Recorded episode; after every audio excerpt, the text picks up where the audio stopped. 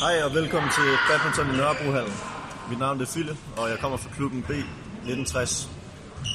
I dag vil jeg forklare lidt om øh, spillereglerne i badminton. Vi starter med dubbelreglerne, hvor jeg lige vil demonstrere, hvor den er inde og ude. Altså vores fjerbold her. I dubbel, der spiller vi helt ud til den yderste streg. Hele vejen ned langs banen. Det vil sige, den er ude her, men inde her. Skulle bolden lande på selve stregen, så er den også inde. Spiller helt ned til den bagerste linje også. Men det første slag, det vil sige serven, der er den faktisk ude hernede bagved. Og den er også ude heroppe foran. Det vil sige, at dubbel, der må man hverken skyde for kort eller for langt. En god serve i dubbel vil se således ud. Hvor den også rammer bolden. Den skal rammes under det nederste linje.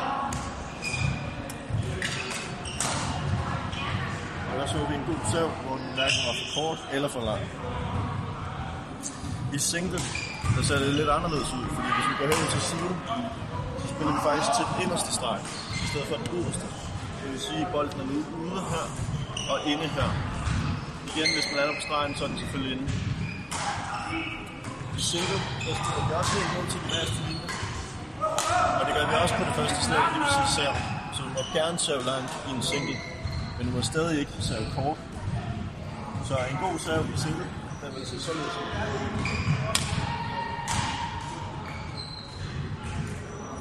En højere lang serv. Man må selvfølgelig også gerne sove kort, man skal bare sørge for, at den ikke rører ind i det inderste felt her. Pointsystemet. Vi spiller til 21, og dem som taber bolden, eller det, så det vil sige dem der vinder bolden, får også point. Øhm, når man øh, har 0, 2, 4, 6, det vil sige lige tal, så server man altid i højre side. Har man 1, 3, 5 eller 7 og deroppe af ulige tal, så server vi i venstre side.